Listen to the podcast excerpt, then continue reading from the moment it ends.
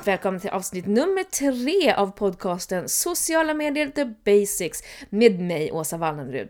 Idag tänkte jag ta er in i den fantastiska världen som heter TikTok. Och det här avsnittet är för dig som kanske inte ens har laddat ner appen än.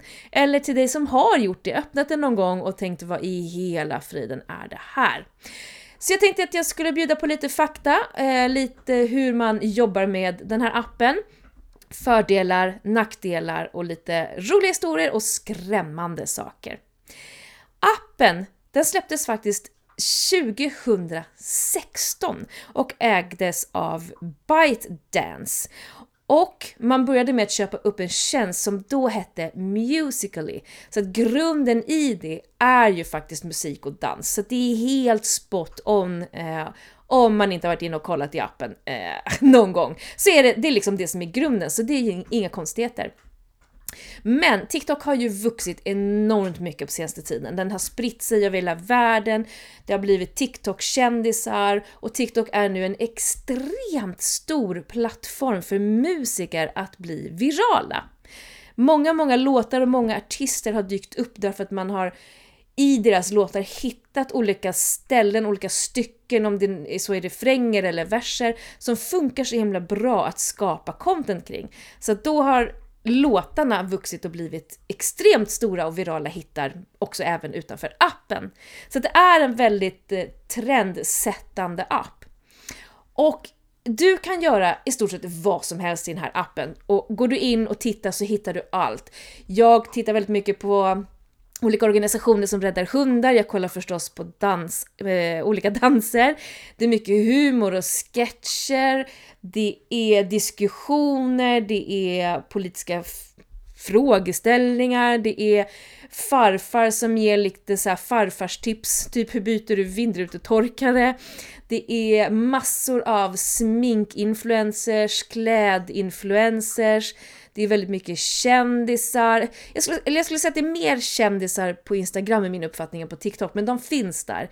Eh, och det är väldigt, väldigt kul att de är där och man får en, en inblick i deras värld. Och speciellt under pandemin.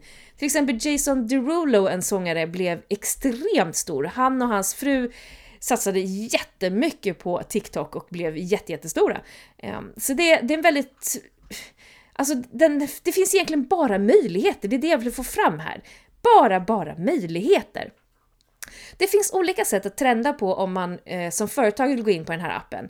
Eh, eller för det första så kan du då annonsera, precis som du kan göra på Facebook och Instagram och överallt så finns det en så kallad Ads Manager där man eh, köper olika typer av annonseringar. Det går ju alldeles utmärkt att göra och ska tydligen vara väldigt bra. Jag tror att du fortfarande får väldigt mycket för väldigt lite pengar därför att just i Sverige är appen inte riktigt så stor än.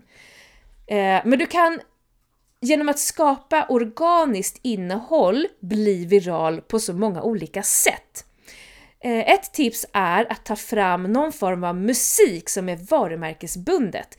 För om musiken känns tillräckligt bra så är det fler som kan använda den här musiken och skapa annat innehåll av och helt plötsligt så har din musik blivit en trend. Och musiken kan ju då du döpa till eh, företagsnamnet eller någonting så att det hela tiden hänger med så att man förknippar den här eh, låten till ditt varumärke. Själva klippet du gör kan bli viralt också om det är tillräckligt roligt, spännande, häftigt, intressant. Eh, du har möjlighet att skapa insamlingar och skapa uppmaningar och jobba med känslor och skapa ett engagemang kring ditt varumärke. Det är så lätt att göra det här. Det finns också såklart en negativ sida av TikTok och det är någonting som heter, eller som heter, det är helt enkelt livesändning. Livesändning har blivit en väldigt stor grej som tas ut på väldigt olika sätt runt om i världen. Ni som är tillräckligt gamla, som, som mig och äldre, eh, ni kommer komma ihåg TV-shop som gick på dagtid, eh, där man kunde köpa massa skit helt enkelt.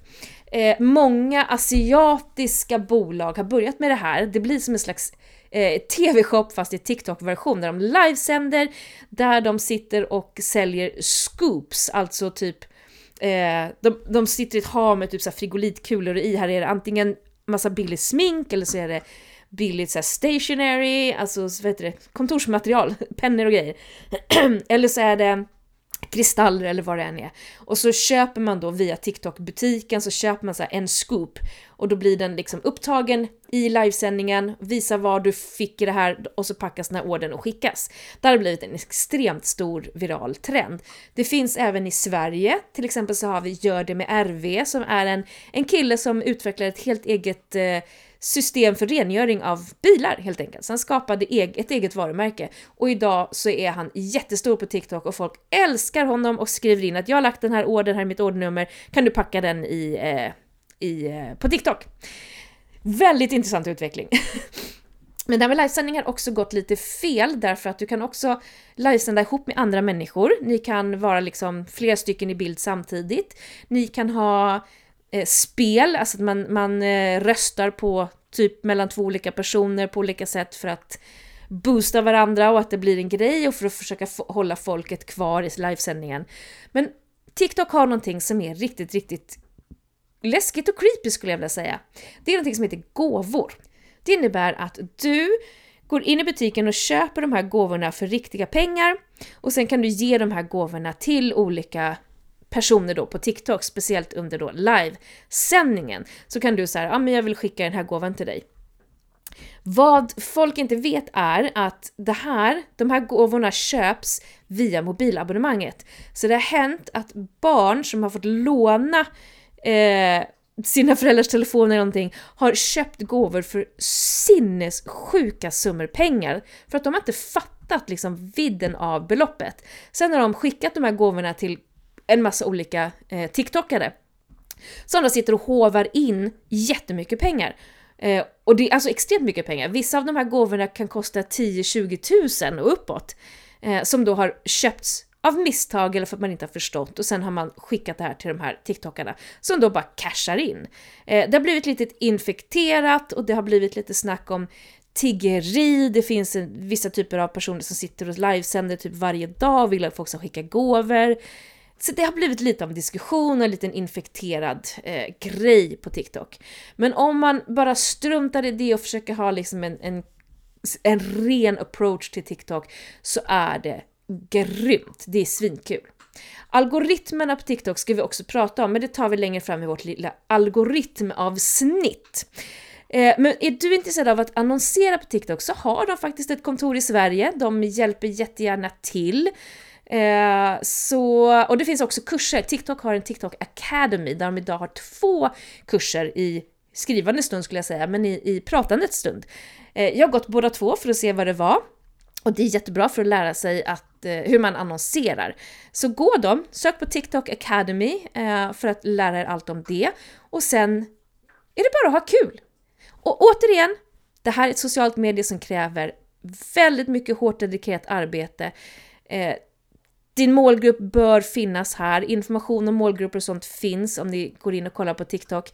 Eh, men det är svinkul! Och vill ni veta mer om TikTok, är det något speciellt ni vill veta, ska jag grotta in med något mer i det här, så hör av er så ska vi fixa det, för att jag älskar TikTok mer än någon annan tjänst. Du, ha det så himla bra, så hörs vi imorgon igen. Hej!